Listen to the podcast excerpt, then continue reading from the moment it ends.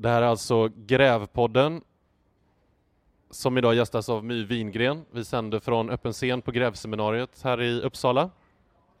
Och vi ska prata om Darknet som du precis haft en föreläsning om. Berätta, vad är detta mytomspunna Darknet? Darknet är en eh, del av internet som man bara kommer åt ifall man använder en viss typ av programvara som gör att man blir helt anonym. En programvara är Tor, det är Onion Router, eh, det är förkortat för, eh, som en programvara som utvecklades för att eh, USA skulle kunna hålla sig anonyma när de spionerade på andra länder. Men idag så kan man använda den programvaran för att hålla sig anonym när man ska göra olagliga grejer, till exempelvis sälja knark eller vapen eller sina tjänster för att hacka folk eller personer som tittar på barnpornografi. Eh, men det är också en plats där man kan eh, kommunicera hur det är att leva i en diktatur. Eh, personer som bor i länder där de blir men det, det, blir allvarliga konsekvenser för att de pratar med media kan använda Tor för att vara helt säkra på att de inte kommer bli spårade, identifierade eller straffade för att de bloggar, eh, skickar mejl eller på andra sätt pratar med, med journalister och den övriga delen av världen. Och där letar du efter journalistiska avslöjanden? Du granskar saker via Darknet? Ja, jag använder Darknet till lite olika saker. Jag har bland annat eh, använt Darknet för att hitta personer i, i Ryssland, eh, hbtq-personer som vill prata om hur det är att leva som eh, lesbisk, eh, queer eller mm, som transperson i Ryssland idag. Eh, men som inte vill prata ifall de inte känner att de eh, är fullständigt trygga. Eh, och då har jag eh, genom Darknet eh, letat upp ryska forum för att eh, där hitta, hitta hbtq-personer som, som kan berätta om sin verklighet, hur det faktiskt är att leva som, eh, som hbtq-person i Ryssland idag. Men jag har också använt Darknet för att eh, till exempelvis infiltrera olika eh, forum där pedofiler hänger jag vill vara jättenoga med att jag inte är på forum där man faktiskt delar material eller bilder utan de forumen som jag har varit intresserad av det har handlat om forum där man eh, stöttar varandra, snarare typ av stödforum. Jag hamnade där efter att jag fick kontakt med en tjej som berättade att hon hade blivit eh, eh, sexuellt utnyttjad av män som träffades via ett forum på Darknet. Eh, de hade, det var svenska män som inte kände varandra sedan tidigare eh, men via Darknet hade eh, fått liksom en relation eh, där de till slut bestämde att varje tisdag ska de träffas och begå övergrepp mot, mot eh, unga tjejer. Eh, och i det här forumet så pratade de väldigt mycket om hur Eh, hur ska de förklara sin frånvaro för sin fru? Hur ska man göra med, eh, liksom, med, med sina barn? Alltså, det var väldigt mycket att de använde forumet för att stötta varandra i det här gemensamma intresset. Ehm, och efter att hon berättade det så blev jag, jag blev väldigt intresserad över de här forumen som inte handlar om att man ska dela bilder utan där man faktiskt handlar om hur det är att leva som pedofil och känna sig så avvikande och hitta en, en värld där man är helt normal. Alltså hur ser de ut? Så att jag har hittat ett forum bland annat eh, de kallar sig inte för pedofiler utan för eh, child lovers eller liknande. Eh, som går ut på att eh, det är väldigt viktigt att de inte begår övergrepp mot barn utan de menar att barn också har en sexualitet och att Eh, eh när de eh, utför handlingar på barn så är det en del av deras, eh, deras kärlek till barnet. Och det är mycket den typen av diskussioner. Så jag infiltrerade de forumen för att liksom kunna, kunna prata med de här personerna och förstå.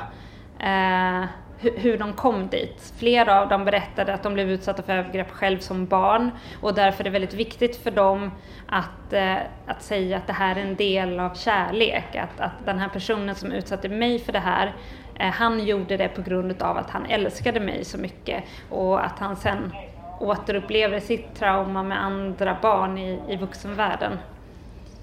Det här det är, ganska jobbiga ämnen, jag vet inte hur mycket man ska prata om det. Prata ja, det är jättejobbigt. Ah. hur hanterar du att granska sådana här jobbiga ämnen och, och vart publicerades det här? Det har inte publicerats än utan det är, en, det, är en, det är ett jobb som jag håller på med lite längre. Jag har också parallellt träffat föräldrar eh, och barn som har blivit utsatta.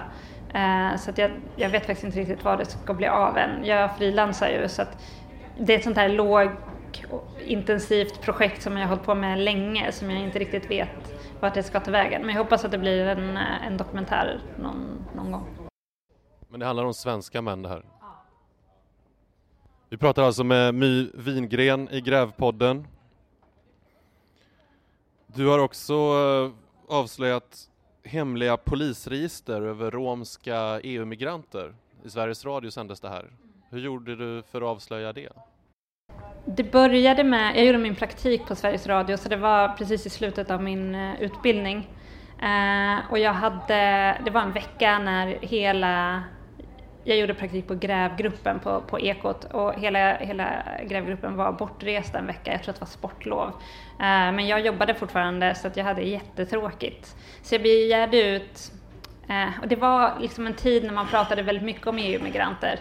Eh, och jag tänkte att det måste finnas något lite mer så spännande perspektiv kring det. Så att vi begärde ut alla klagobrev från kommunens klago inbox. Så de hade en inbox, Stockholms stad hade en inbox där man kunde klaga över EU-migranter. Man kunde säga att ah, men nu är det väldigt smutsigt här eller nu, nu har de byggt ett bo här och så kunde kommunen liksom ta tag i det. Så jag begärde ut alla dem och gick igenom dem och la in dem i ett Excel-dokument för att se vilka är det som klagar, på vilket sätt klagar man? Ja, jag tänkte jag kunde hitta något intressant. Men det jag hittade det var att så fort det nämndes någonting om identitet eh, så skickades det vidare till, eh, till eh, KUT, alltså eh, Underrättelsetjänsten? Ja, underrättelsetjänsten. Eh, och jag hittade flera stycken, alltså jag hittade säkert 15-16 stycken bara under eh, det senaste halvåret som jag gick igenom och tyckte så här, det här är ju ganska, alltså, vad ska de den informationen till? Eh, så att jag ringde och frågade och då fick jag prata med eh, då fick jag prata med en person som jobbade på operativa avdelningen, det som eh, förut var Rikskrim, eh, som berättade att eh, de absolut inte har ett register. Det är liksom det första han säger, att, utan det här är bara en samling med, med med uppgifter som, som vi sparar eh, för framtida syften. Det är inget register, det är mer, eh, det, det, är mer en samling med personuppgifter. Eh, och det var på något sätt där det, det, började och sen så ville vi, eller jag ville liksom förstå varför, vad ska man ha det till? Eh, och det tog ganska lång tid innan vi faktiskt lyckades lista ut vad de också hade det till. Eh, det vet vi väl fortfarande inte riktigt men, men eh, vi fick, eller jag fick liksom utdrag på e-post av de som var ansvariga för det här projektet eh, och såg att mycket av informationen skickades utomlands till länder där flera EU-migranter kom ifrån. Så det, det verkade vara en typ av internationellt projekt. Och sen så kunde du ändå slå fast att det var ett register? Ja, det fanns ett register. Eh, och eh, det blev också granskat av, eh, av SIN, Säkerhets och integritetsskyddsnämnden. Yes. Ehm, eh, och eh, de kom fram till att det inte var ett olagligt register. Men i, det är också så att eh, de sa att innan de hann granska så hann också ganska mycket uppgifter ur registret försvinna. Så vi vet inte riktigt hur det hade sett ut innan de gjorde sin granskning. Det här är alltså My Wingren som gästar Grävpodden. Vi sänder från öppen scen här på Gräv 17. Eh, du låter som att du är en datanörd eller? Ja, Ja men det är jag. Jag gillar datorer. Jag, oftast tycker jag de är mycket enklare än människor. Det, det, det är något, eh, ja, men en, en fin relation, den gör som jag säger. Bråkar ibland men jag behöver bara vara tillräckligt envis och förstå logiken och så ordnar det sig. För det finns ju en stereotyp bild av att eh, journalister är helt inkompetenta på teknik. Jag har ju äntligen fått den här utrustningen att fungera hyfsat för att få ljud här. Är vi journalister lata vad gäller tekniken? Eller? Nej, jag, jag, tror att journalister är rädda. Jag tror att det handlar om det. Jag, jag, tror att man, man är lite rädd för att våga ja, men kanske göra saker som man inte har gjort tidigare när det gäller datorer. Att våga klicka på den där knappen eller gå in på den där hemsidan eller koppla in den där. Alltså faktiskt oftast, jag har lärt mig det mesta jag kan själv, för jag är jättedålig på att gå i skolan. Jag har aldrig klarat den typen av liksom, eh, Eh, att lära mig så strukturerat. Så jag har alltid lärt mig genom att eh, prova och så kanske det inte funkar, prova igen, då kanske det funkar. Och jag tror att det, det, är så man måste göra när det gäller teknik. Och för det så behövs det dels ett intresse, men också att man vågar prova. Att man inte tror att hårdrisken kommer försvinna eller att eh, eh, telefonen kommer paja eller sådär. Eh, så jag tror egentligen inte att man är så lat, jag tror mest att man är kanske lite nervös. Vilka verktyg då skulle du rekommendera för grävande journalister att ha i sin eh, digitala verktygslåda? Eh, det beror ju lite på vad det är man sysslar med men jag tycker definitivt att man ska ha de grundläggande krypteringsapparna till telefonen. Signal, det tycker jag är ett måste. För det är en sån enkel app att ladda ner, den kostar ingenting.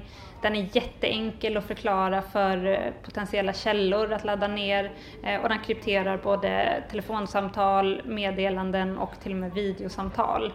Eh, det tycker jag är ett definitivt måste. Och sen tycker jag också att man, man måste lära sig grunderna i Excel. Alltså man behöver inte lära sig att koda i Excel, men jag, jag, tycker verkligen att man behöver använda Excel lite mer effektivt än vad många vågar göra nu. Och vad är effektivt? Det beror ju på vad man sysslar med, men jag tycker att även om man inte sysslar med statistik och liknande så eh, lära sig men, men hur man eh, upprättar databaser i Excel till exempelvis. Hur man tar en, en stor mängd information och lägger i Excel. Eh, bara, bara egentligen grunderna. Jag brukar lära mig mycket saker genom Youtube. Att när jag har ett program som jag inte kan eh, så brukar det nästan alltid finnas en tutorial på, Google, eller på Youtube Eh, och då slipper man läsa sig till hur man gör och istället kan bara liksom se hur någon gör och sen pausa och göra likadant och på det sättet lära sig. Signal och Excel, har du fler exempel? Um... Använder du iPhone förresten? Ja. För det är folk väldigt skeptiska till. Ja, jag vet. Jag är inte speciellt skeptisk till det. Jag, jag, tycker inte att det är... Det finns ingen säkerhetsrisk som säger att det är farligare med att använda iPhone eller använda en Apple-dator. Eh, det som, alltså ibland önskar jag att jag hade en Android-telefon för att den spelar in telefonsamtal och det är jättejobbigt att göra det på iPhone men det är enda gången jag känner att det, eh, det är en nackdel att ha en iPhone. Och när man pratar med Fredrik Laurin, han blir alltid så arg. Ja, Fredrik Laurin har suttit i Grävpodden faktiskt och totalt idiotförklarat mig för att jag satt med den här datorn som har en viss logotyp framför mig. Du kanske har råkat ut för det också? Ja, fast jag, jag, han, eh, jag skällde mest tillbaks. Alltså, man, det finns, jag kan inte se att det finns någon orsak till att man inte kan ha en, en, en, en, en vanlig Apple-produkt egentligen. Vad är ditt drömjobb då? Du har hjälpt Sveriges Radio att avslöja det här polisregistret, du har vunnit Guldspaden, varit nominerad till Stora Journalistpriset, men vad, vad är drömjobbet som grävande journalist? Jag vet inte. Alltså, det är så svårt att säga att det här är mitt liksom, drömprojekt. Eh, för på sätt och vis så lever jag min dröm. Jag frilansar vilket gör att jag kan, jag kan göra det jag vill. Alltså hade jag varit anställd på till exempelvis en nyhetsredaktion och även om jag hade jobbat med gräv så måste man ju nästan alltid jobba med nyhetsrapportering också. Och jag tycker om att bara få gräva, att kunna fördjupa mig så mycket i någonting som jag vill. Även om jag kanske är fattigare än vad jag hade varit om jag hade varit anställd så är friheten för mig så otroligt viktig. Och det gör att jag kan hålla på med många gräv samtidigt också.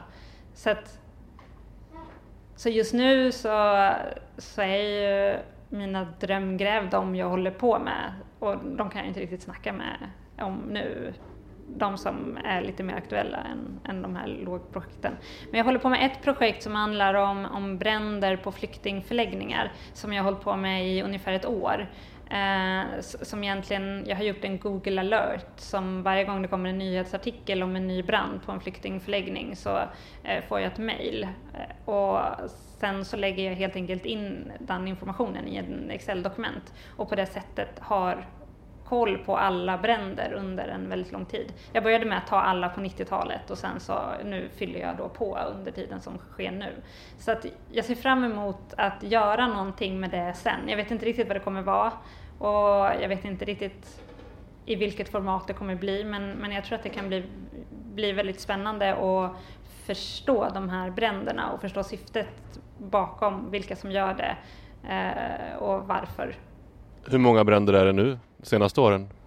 Um, jag minns inte riktigt hur många det är, men det är över 200 i alla fall de senaste två, tre åren. Du är frilans och du lyfter fram ditt oberoende men att man också är fattig och mer utsatt. Du har samarbetat med Expressen, Sveriges Radio, Uppdrag granskning på SVT. Vilka är bäst att jobba med som frilans?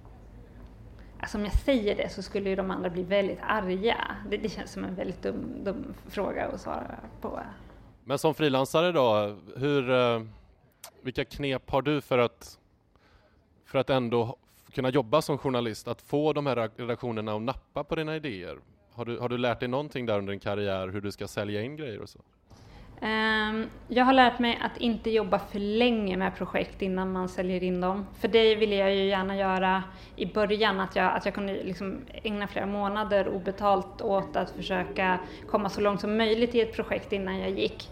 Men oftast blir det då att man inte får betalt för den tiden som man har lagt ner. Så att mitt bästa tips är att liksom hitta en miniminivå, uppnå den och sen gå till en redaktion och kanske få förprojekt eller liknande för att liksom nå upp till, till det som de tycker är minimum för att våga satsa på projektet. Eh, för det finns, ju, det finns ju verkligen redaktioner som vill syssla med, med grävande journalistik och som är beredda att ta in frilansande på, på projektbasis. Eh, och sen handlar det nog om att ja, men att, att våga dels säga vad man tror att man kommer uppnå med, men också berätta metoden dit och, och försöka uppskatta hur säkert det är att man faktiskt kommer dit. Är det någon lägsta nivå versus högsta nivå du tänker? Ja, jag tänker det. Och också metoden till att komma till högsta nivån. För att på den, ifall man ifall metoden är att om jag ska infiltrera den här styrelsen, då är det ju en ganska, det är en ganska svår metod. Och då tänker jag att det kommer vara ganska svårt att få betalt. Men ifall metoden är att man ska få kontakt med en, eh, en som jobbar under styrelsen och få dem att, eh, att ge en information om dem, då, eh, då kanske det är mer troligt att man faktiskt får pengar för det och att de tror på projektet. Sen handlar det väl mest om att, precis som man skriver en artikel eller gör ett reportage, att man måste uttrycka pitchen på ett sätt som gör att det är tankeväckande. Och lite grann riktade till forumet, att man får, eh, när man ska till TV, att eh, förklara, okej okay, men det här bildmaterialet finns, det här skulle man kunna använda för eh, att göra det här i det här formatet, att motivera varför man går till just dem. Drömmen som frilansare, det är då förstås att man kan göra de projekt man är intresserad av, att det inte är någon chef som beordrar en. Men sen finns det steg två, och det är att de ringer dig att du inte ens behöver pitcha förslag utan vi litar ju på dig, du har levererat tidigare. Hur hamnar man där? Det handlar nog bara om att, att få in foten och kanske, kanske att man specialiserar sig lite, att man har en inriktning. Jag trodde att för mig så har det hjälpt att jag har en researchinriktning, att det, att, att det är det jag är duktig på. Eh, och då är det oftast de uppdragen jag får när någon kontaktar mig och vill att jag ska jobba i ett projekt. Eh, och sen så, jag känner att jag är ju precis i början av min karriär, alltså jag har ju bara jobbat med det här i, men i, i några år och vill verkligen utvecklas i framförallt hur man gör när man berättar en historia. Eh, och de projekten, de får jag ju ofta sälja in själv. Eh, Medan researchprojekt oftast är människor som kontaktar mig och vill ha, ha hjälp med. Ja, du, du är kanske förhållandevis ung och ny, men du är ett, ett etablerat namn som har vunnit priser. Men ändå ganska ny. My Wingren, alltså pratar vi med i Grävpodden som vi sänder härifrån en scen, öppen scen på Grävseminariet i eh, Uppsala. Du har ju varit föremål för väldigt mycket näthat och hot. Hur lever man med det? Eh, man lever med eh, skyddad identitet. Eh, man, alltså, I början var det ju jobbigare för att nu, nu är jag ju förberedd. Inför varje publicering så har jag en, liksom ett gäng åtgärder som jag eh, gör. Eh, och det var framförallt svårast när vi gjorde, när researchgruppen gjorde sin första stora publicering. För att då var jag inte beredd på vilket, vilken storm det faktiskt skulle bli. Sen, sen tror jag att, att, för mig så är inte själva hoten eller hatet som riktas direkt mot mig det som är det som egentligen är jobbigt utan det handlar snarare om när man blir baktalad, alltså när det sprids information som faktiskt inte stämmer. Eh, när, när de försöker påverka mina arbetsgivare men framförallt när Eh, Eh, min familj eller mina vänner råkar illa ut på grund av att de har en koppling till mig.